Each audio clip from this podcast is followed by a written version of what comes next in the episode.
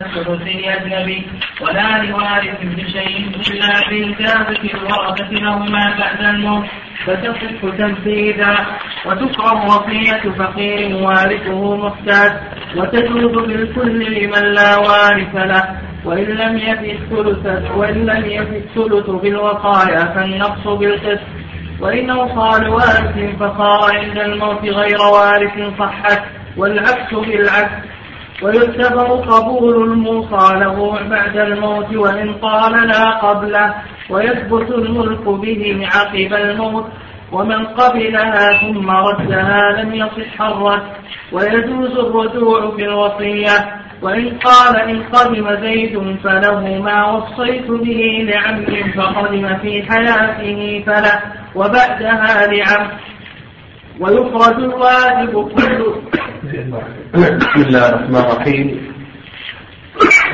إن الحمد لله نحمده ونستعينه ونستغفره ونعوذ بالله من شرور أنفسنا ومن سيئات أعمالنا. من يهده الله فلا مضل له ومن يضلل فلا هادي له.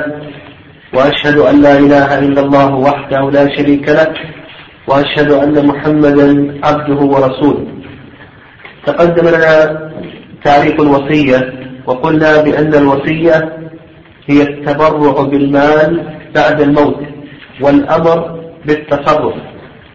فالوصية تشتمل على أمرين الأمر الأول التبرع بالمال. كأن يوصي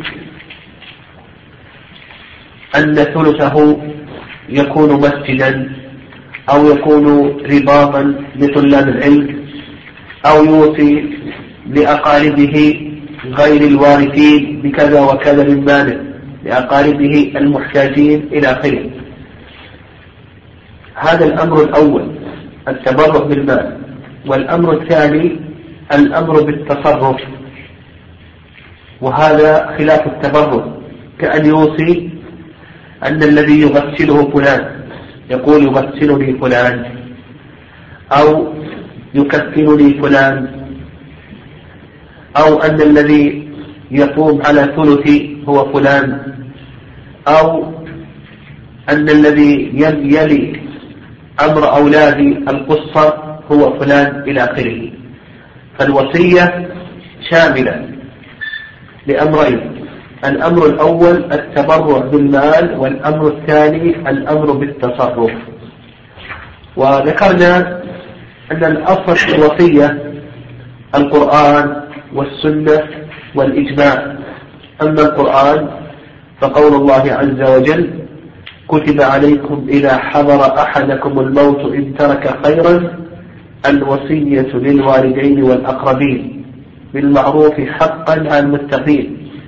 وأما السنة فحديث ابن عمر رضي الله تعالى عنهما أن النبي صلى الله عليه وسلم قال ما حق امرئ مسلم يبيت ليلة أو ليلتين إلا وصيته مكتوبة عند رأسه.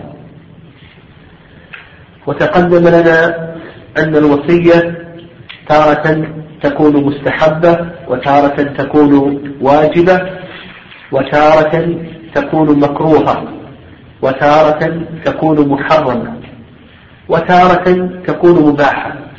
فالوصية تعتريها الأحكام التكليفية الخمسة. فنقول تكون واجبة في موضعين. متى تجب الوصية؟ نقول بأن الوصية تجب في موضعين. الموضع الأول إذا كان هذا الشخص له حقوق عند الناس له ديون. أو عليه حقوق عليه ديون. أو يعني ديون كقروض. أو أثمان مبيعات أو قيم متلفات. أو أروش جنايات. وهذه الحقوق التي له أو لغيره ليست موثقة. ليس هناك عليها بينات. فيجب عليه أن يوصي بها. دفعا للخلاف والشقاق والنزاع الذي يكون بين الورثة وبين غيرهم وأيضا لئلا تضيع الحقوق.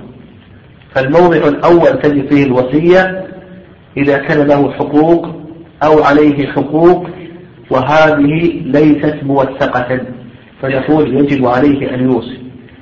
الموضع الثاني الموضع الثاني إذا ترك خيرا كثيرا إذا ترك خيرا كثيرا آه، آه، وهو كما سيأتينا إن شاء الله المال الكثير فرصا. فإنه يجب عليه أن يوصي لأقاربه غير الوارثين. أما الأقارب الوارثون فإنه لا يجوز له أن يوصي لهم لأن الأقارب الوارثين أخذوا حقهم من التركة لهم التركة. ولهذا قال النبي صلى الله عليه وسلم إن الله أعطى كل ذي حق حقه فلا وصية لوارث فإذا ترك خيرا كثيرا فقد ذهب طوائف من السلف كالزهري وابن جرير الطبري وغيرهم من أهل العلم إلى أنه يجب عليه أن يوصي لهم بشيء. فتجب الوصية في هذين الموضعين وسيأتينا إن شاء الله في كلام المؤلف رحمه الله تعالى متى تحرم الوصية ومتى تكره ومتى تباح إلى آخره وتقدم لنا ذكرنا شروط صحة الوصية وأنه يشترط لصحة الوصية شروط الشرط الأول ماذا؟ العقل وعلى هذا المجنون لا تصح وصيته. المجنون نقول بأن وصيته غير صحيحة وقلنا بالنسبة للمعتوه حكم وصية المعتوه المعتوه الذي عنده نقص في العقل. ماذا؟ أنه ينقسم إلى قسمين القسم الأول مأتوه ليس معه إدراك. فهذا كالمجنون لا تصح وصيته. والقسم الثاني مأتوه معه إدراك فهذا كالصبي المميز تصح وصيته. الشرط الثاني البلوغ وعلى هذا الصبي هل تصح وصيته أو لا تصح؟ نقول إن كان غير مميز لا يفهم الخطاب ولا يرد الجواب هذا حكمه لا تصح وصيته بالإجماع. والقسم الثاني أن يكون مميزا. مثلا له سبع سنوات له ثمان سنوات له عشر إلى آخره. فهذا نقول تصح وصيته على الصحيح. موضع خلاف لكن المشهور عن الإمام أحمد رحمه الله أن وصيته صحيحة. لأنه لأن الوصية كما تقدم لنا مصلحة محضة يملك أن يرجع فيها. إن مات فقد استدرك لنفسه. وإن لم يمت فإنه يملك أن يبطل وصيته وأن يرجع إذا احتاج إذا احتاج إليها. والشرط الثالث الرضا. وعلى هذا المكره لا تصح وصيته. فلو أكره شخص على أن يوصي لأمر, لأمر أو لزيد نقول وصيته غير صحيحة. الشرط الرابع ألا تبلغ الروح الحلقوم. فإذا بلغت الروح الحلقوم ثم بعد ذلك أوصى نقول وصيته غير صحيحة. فإذا بلغت الروح الحلقوم ثم أوصى يعني إذا آين الموت إذا آين الموت. ثم قال أوصيت لفلان أو تبرعت بمكر أو أن يبنى لي مسجد أو غير ذلك فنقول هذا لا تصح وصيته لأن لأنه إذا بلغت الروح الحكوم أخذ حكم أخذ حكم الأموال ثم قال المؤلف رحمه الله تعالى يسن لمن ترك خيرا وهو المال الكثير أن يوصي بالخمس. من أراد الوصية لا يخلو من أمرين. من أراد الوصية لا يخلو من أمرين. الأمر الأول أن يكون ذا مال. يعني عنده خير. و قصد الله عز وجل له في الرزق. فنقول إذا كان ذا مال فإنه يستحب له أن يوصي. وهذه الوصية خلاف الوصية الواجبة. الوصية الواجبة أي سبق أن وضحناها. لو كان له حقوق أو عليه حقوق غير موثقة حتى ولو كان فقير يجب عليه أن يوصي بها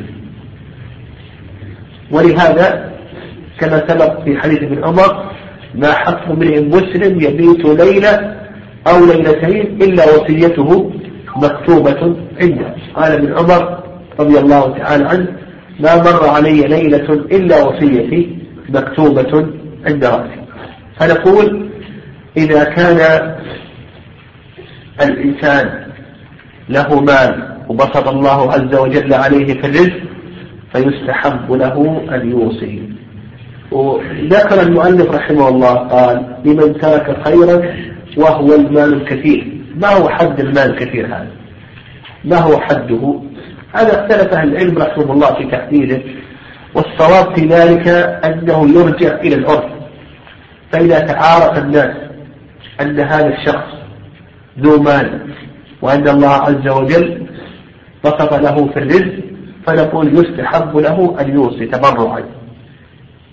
وما مقدار الوصية قال المؤلف رحمه الله أن يوصي بالخمس أن يوصي بالخمس فيستحب له أن يوصي بالخمس وتبقى أربعة أخماس التركة للورثة فيوصي بالخمس والأربعة الأخماس الباقية هذه تكون للتركة تكون للورثة.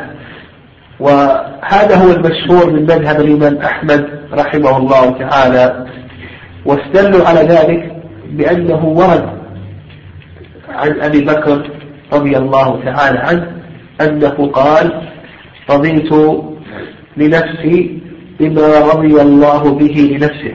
يقول أبو بكر رضي الله تعالى عنه رضيت لنفسي بما رضي الله به لنفسه. ويشير أبو بكر إلى قول الله عز وجل واعلموا أن ما غنمتم من شيء فأن لله خمسه وللرسول ولذي القربى واليتامى والمساكين وابن السبيل. فالإمام أحمد رحمه الله يقول يستحب أن يوصي بأي شيء بالخمس يعني يستحب له أن يوصي بالخمس الرأي الثاني الرأي الثاني أنه الرأي الثاني التفصيل في المسألة. يعني التفصيل في المسألة. وهو المشهور من مذهب الإمام أحمد الرأي الثاني قبل ذلك المذهب الحنفية مذهب الحنفية قالوا يستحب أن ينقص من الثلث. هكذا قالوا يستحب أن ينقص من الثلث. ف يستحب أن ينقص من الثلث. ولم يحده بشيء. المهم أنه لا يبلغ إلا لا يبلغ الثلث وهذا عند الحنفية رحمهم الله. كذلك أيضا كذلك أيضا عند الشافعية يعني الشافعية قالوا أيضا يستحب أن ينقص من الثلث. لكن الشافعية قالوا يستحب أن ينقص من الثلث سواء كان الورثة أغنياء أو فقر يستحب أن ينقص من الثلث.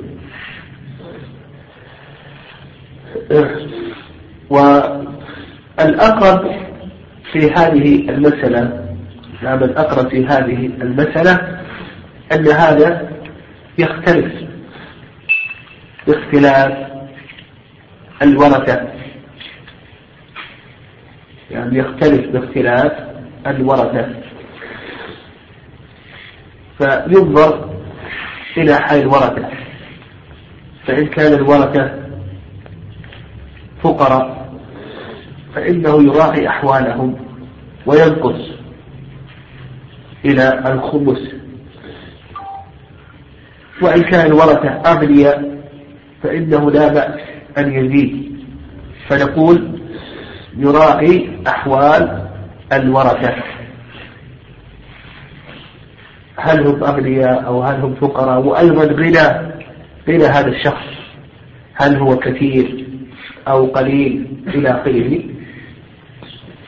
فنقول يراعي أحوالهم.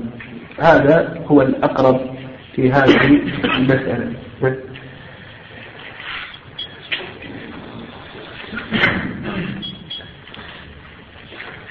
قال النوفي بالخمس قال ولا تجوز بأكثر من الثلث لأجنبي ولا لوارث بشيء إلا بإجازة الورثة.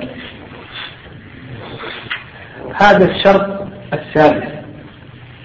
اللي هذا كلمة شرط؟ سبعة. هذا الشرط السابع. ها؟ الثالث طيب.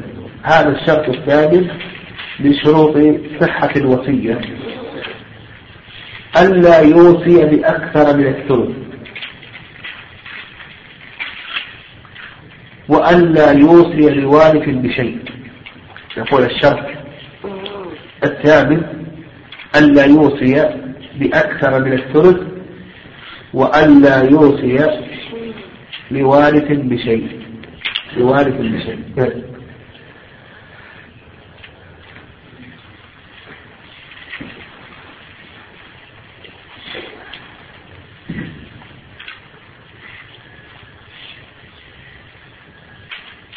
ودليل ذلك وهذا محل اتفاق بين أهل العلم رحمهم الله أن الوصية لوارث لا تجوز وأنها أيضا بأزيد من الثلث غير جائزة. ومن ذلك ما تقدم من حديث سعد رضي الله تعالى عنه أن النبي صلى الله عليه وسلم قال الثلث والثلث كثير. وأيضا أيضا قول الله عز وجل إن نعم، قول النبي عليه الصلاة والسلام إن الله تصدق عليكم بثلث أموالكم عند وفاتكم.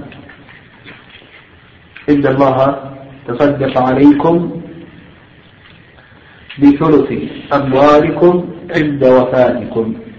وأيضا اتفاق العلماء رحمهم الله على ذلك.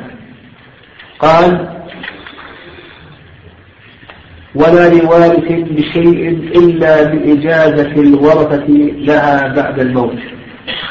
فالوصية أزيد من الثلث نقول بأنها غير صحيحة. والوصية أيضا بوارث نقول أيضا غير صحيحة ولا تجوز إلا إذا أجاز الورثة. فتصح وإذا أجاز الورثة فهذا تحته مسائل من هذه المسائل المسألة الأولى. إذا أجاز الورثة المسألة الأولى ما هو وقت الإجازة المعتبر؟ المسألة الأولى ما هو وقت الإجازة المعتبر؟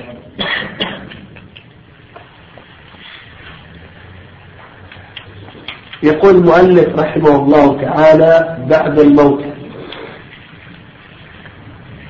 وعلى هذا لو أن الوا لو أن الورثة أجازوا في حال الحياة. يعني يقول المؤلف رحمه الله بعد الموت. وعلى هذا فلو أن الورثة أجازوا في حال حياته هل تصح إجازتهم أو نقول لأن إجازتهم غير صحيحة؟ على كلام المؤلف رحمه الله أن الإجازة غير صحيحة. لا تصح. فلو أنه وصى بأكثر من الثلث أو وصى لوالد ثم إن الورثة أجازوا ذلك. ها؟ إيش نقول هنا؟ في حال الحياة نقول على كلام المؤلف رحمه الله أن هذه الإجازة لا تصح بل لا بد أن يجيزوا بعد الموت. وهذا ما عليه أكثر أهل العلم رحمهم الله تعالى. هذا ما عليه أكثر العلماء رحمهم الله. الرأي الثاني نعم الرأي الثاني أنه تصح الإجازة في حال الحياة بشرط أن يكون ذلك عن رضا الورثة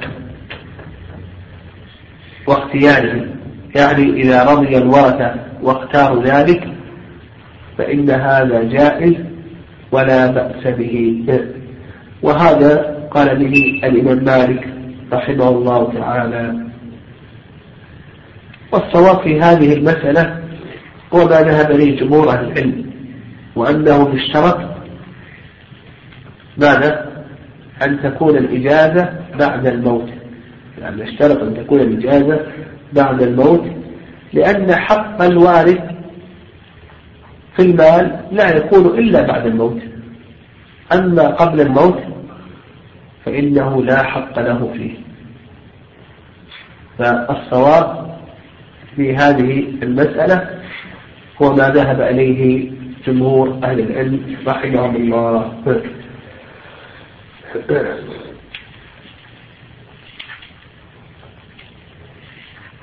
قال تنفيذا تصح تنفيذا طيب إذا أجازها الورثة بعد الموت هل هذه الإجازة تنفيذ هذه المسألة الثانية. هل هذه الإجازة تنفيذ لقول الموصي أو أنها هبة مبتدأة منهم للموصى له فقول المؤلف رحمه الله فتصح تنفيذا هذا يدل على أنها ماذا؟ أنها تنفيذ لوصية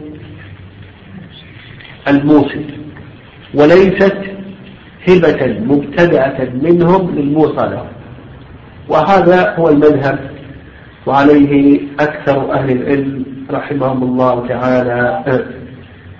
و والرأي الثاني مذهب الإمام مالك رحمه الله أنها ابتداء عطية من الوارث للموصى له.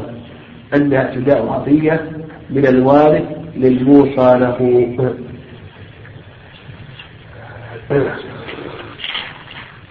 ولكل منهم دليل. الذين قالوا بأنها تنفيذ كما هو قول أكثر أهل العلم رحمهم الله قالوا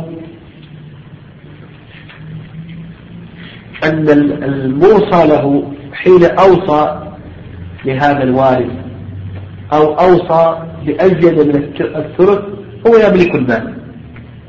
هو يملك المال. يعني أنه تبرع في وقت يملكه.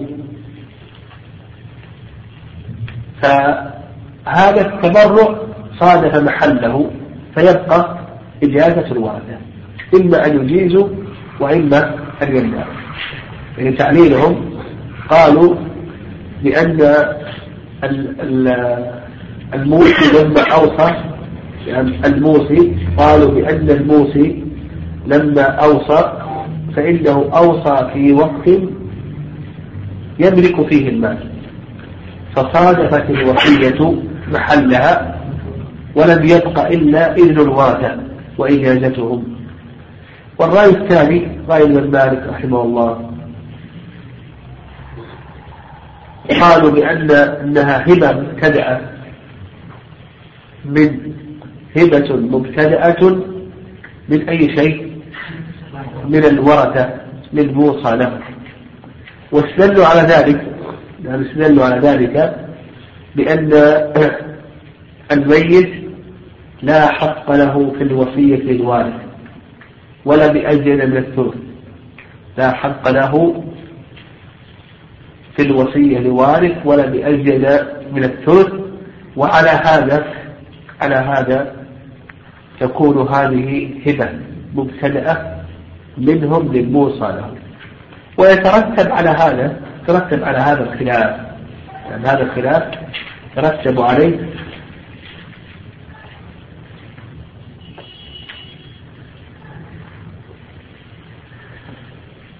إذا قلنا بأنها هبة مبتدأة يشترط لها ماذا؟ من شروط الهبة كما تقدم لنا في الهبة في حال موت وإذا قلنا بأنها ليست هبة مبتدأة وإنما هي تمثيل لا يشترط لها شروط الهبة. قال وتكره وصية فقير وارثه محتاج تقدم لنا أن الموصي ماذا؟ لا يخلو من أمرين. الأمر الأول أن يكون يمان فهذا يستحب له أن يوصي كما تقدم. وذكرنا الخلاف هل يوصي بالخمس؟ يوصي بأقل إلى آخره. تكلمنا على الخلاف في هذه المسألة. الرأي الثاني يعني الرأي القسم الثاني أن يكون فقيرا. ليس ليس ذا مال. فيقول المؤلف رحمه الله يكره أن يوصي إذا كان فقيرا عرفا ووارثه محتاج. إذا كان فقيرا عرفا. ووارثه محتاج فإنه يكره له أن يوصي. يعني يكره له أن يوصي.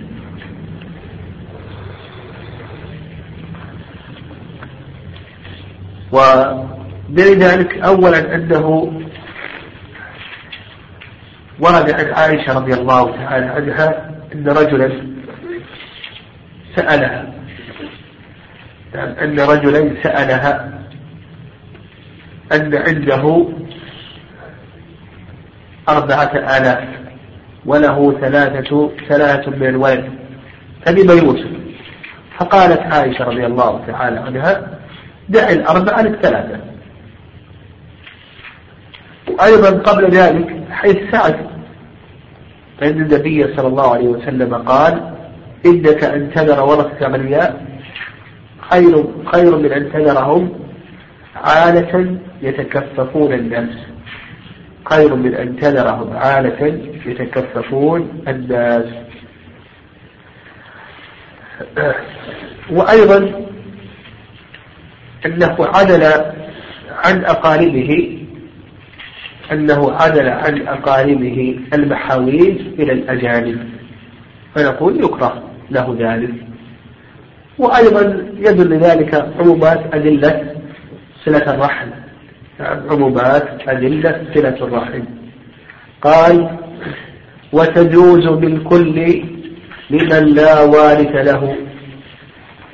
هذا القسم الثالث تستحب الوصية وتكره وتباح. هذا القسم الثالث وهو الإباحة. فنقول إذا كان الإنسان لا وارث له فيباح له أن يوصي بجميع ماله. وهذا هو المشهور من مذهب الإمام أحمد رحمه الله. نعم هذا هو المشهور من مذهب الإمام أحمد رحمه الله تعالى. وأيضا قال به أبو حنيفة. قال به أبو حنيفة. والرأي الثاني رأي مالك والشافعي أنه لا ينفذ إلا الثلث. رأي مالك والشافعي لا ينفذ إلا الثلث ولكل منهم دليل. أما الذين قالوا بأنه تجوز الوصية بالأزيد من الثلث لمن لا وارث له أو بالكل لمن لا وارث له. استدلوا أولا أنه وارد عن مسعود رضي الله تعالى عنه بإسناد صحيح. يعني أخرجه عبد الرزاق وأبو يوسف وسعيد المنصور إلى آخره.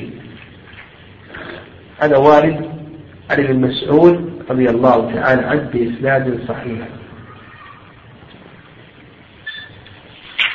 وأيضا عند المنع من الزيادة على الثلث من أجل من؟ من أجل الوارث والآن لا وارث المنع من الزيادة على الثلث من أجل الوارث وهنا لا وارث فإذا كان كذلك فإنه يجوز له أن يوصي بأزيد وبالكل غير الوارث. ما دام أنه ليس هناك وارث. وأما من منع ذلك فاستدلوا بأن بيت المال له حق. فإذا كان كذلك فلا ينفذ منه إلا ماذا؟ إلا الثلث فقط.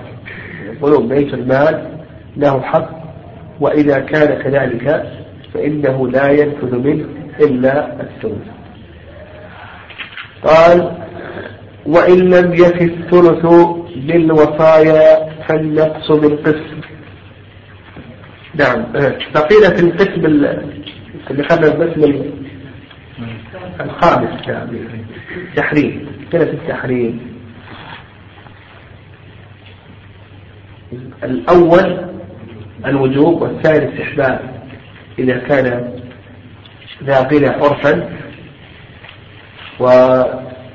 والثالث كراهة والرابع الإباحة والخامس التحريم فنقول يحرم عليه أن يوصي لوالده أو أن يوصي بأكثر من الثلث وكذلك أيضا يحرم عليه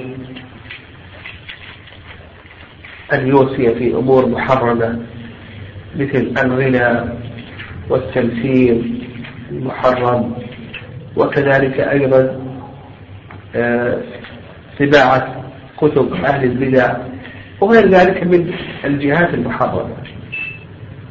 ولذلك قول الله عز وجل وتعاونوا على البر والتقوى ولا تعاونوا على الإثم والعدوان.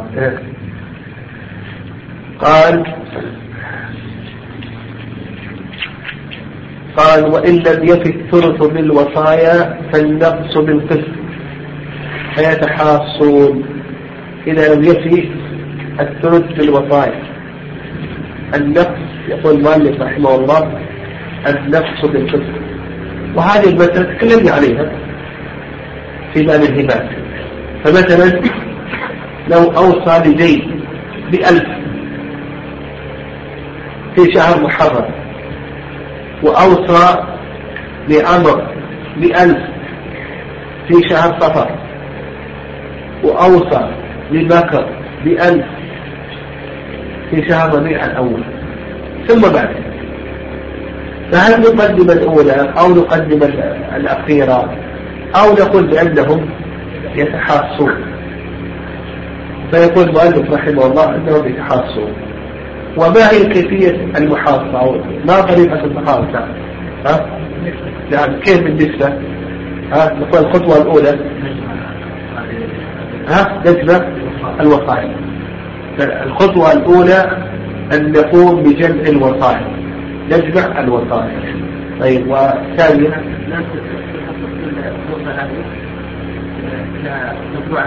صح. ثم يأخذه من الثلث. ولنفرض أن الثلث ألف ريال. الثلث ألف ريال. وهو الآن وصى بثلاثين ألف. فنقوم بجمع الوصايا. أصبح مجموع الوصايا يساوي ثلاثين ألف. فننسب نصيب. كل موصى له إلى مجموع الوصايا ونعطيه من الثلث. فزيد له ألف ألف إلى مجموع ثلاثة مجموع ثلاثة ألف إلى ثلاثة الثلث. يأخذ ثلث الألف. ومثل بكر مثل عمر إلى آخره. فلا يقدم نعم لا يقدم المتقدم أو المتأخر إلى آخره والعلة في ذلك كما تقدم لنا ماذا؟ نعم زين عشان الموت يأتي دفعة واحدة. الموت يأتي دفعة واحدة. بخلاف العطية في مرض الموت فإنه يقدم ماذا؟ الأول فالأول. قال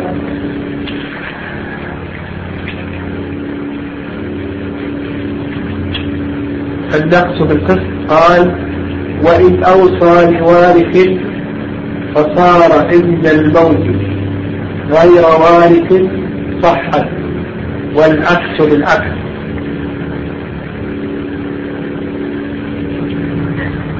إذا وصى لوارث فصار عند الموت غير وارث صحت والعكس بالعكس. وعلى هذا نأخذ من, من هذه الجملة أن وقت اعتبار كون الشخص وارث أو غير وارث يكون متى؟ عند الموت. عند الموت. وسبق أن ذكرنا على ذلك من حديث سعد رضي الله تعالى عنه فإن النبي صلى الله عليه وسلم قال إنك أن تذر وقت غرياء خير من أن تذرهم عالة يتكففون الناس.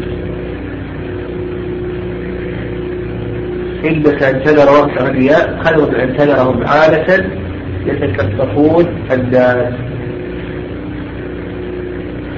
فدل ذلك على أن الاعتبار في الثلث هو عند الموت فكذلك أيضا الاعتبار في كونه وارث أو غير وارث يكون متى عند الموت وعلى هذا لو وصى لأخيه وليس له ابن هذا رجل عنده بنت وله أخ وصى لأخيه. ثم بعد ذلك عند موته ولد له ذكر. تصح الوصية ولا تصح الوصية؟ نقول الوصية تصح لماذا؟ لأنه أصبح الآن غير وارث الذكر يحجبه. العكس بالعكس لو وصى لأخيك وهو لا يرث لوجود الابن ثم عند الموت مات الابن مات ابنه وأصبح الأخ وارثا. هل تصح ولا تصح؟ تقول لا تصح قال ويعتبر القبول بعد الموت وإن طال لا قبله. يعتبر القبول يعني يشترط في قبول الموصى له بعد الموت. فلو أن الموصى له قبل الموصى له قبل قبل الموت. هل هل يصح قبوله أو نقول لا يصح قبوله؟ يقول المؤلف رحمه الله لا يصح قبوله. لو أنه وصى لزيد ثم بعد ذلك وصى لزيد. وقال زيد قبلت. وهو في حال حياته. هل يكفي هذا القبول؟ عن القبول بعد الموت؟ ها؟ نقول لا يكفي. لا بد أن يقبل بعد الموت.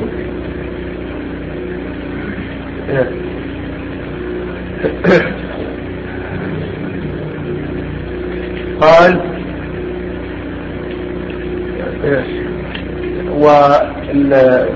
والعلة في ذلك.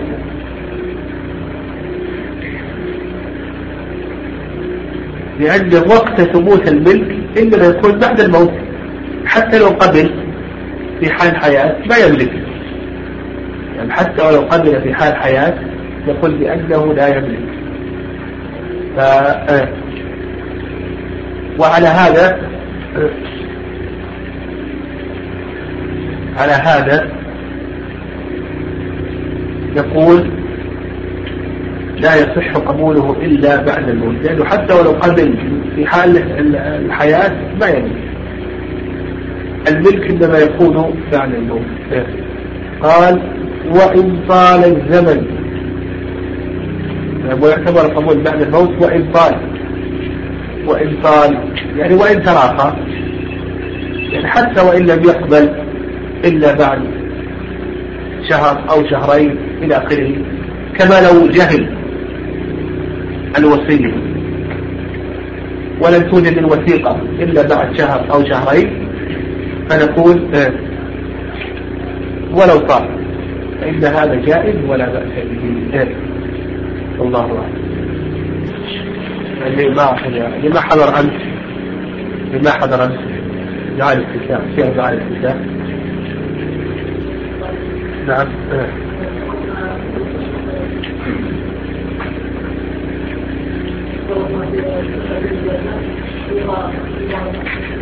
أيوه. لا الصغير ما. لا الصغير يقع حقه. اللي يرضى ينفذ في حقه والصغير أو الذي لا يرضى ما ينفذ. يقول ما ضابط الأرحام الذين تجد صلتهم إلى آخره. هذا يرجع العرف واختلف فيها العلم رحمه الله في ذلك فقال بعض العلم إلى الجد الرابع. قال بعض العلم أهل العلم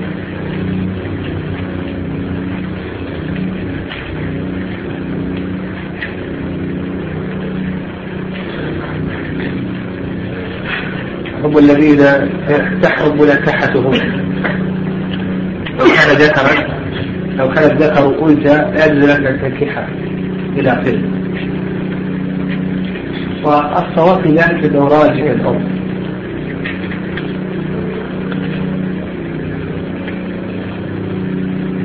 يقول ثالث الصلاة تهاونا وكسلا يقول ولكن السؤال من المعروف أن قول الصحابي حجة فكيف بالإجماع فكيف يخالف العلم عن العلماء إجماع الصحابة قالوا بتوضيح هذا الإجماع في ثبوت النظر. يعني هو لاقى السائل يقول الصحابة أجمعوا على جماعة الصلاة كافر وإذا كان كذلك فكيف يخالف العلم؟ الإجماع هذا فيه نظر. يعني ثبوت الإجماع هذا بعض أهل العلم كتب أنه لا يصح ولا يكتب. هل للموصي أن يشترط يقول في حال مرضه المخوف كأن لو أوصى بماله واشترط أنه إذا شفي أن أمواله تعود. هذا صح نعم يصح.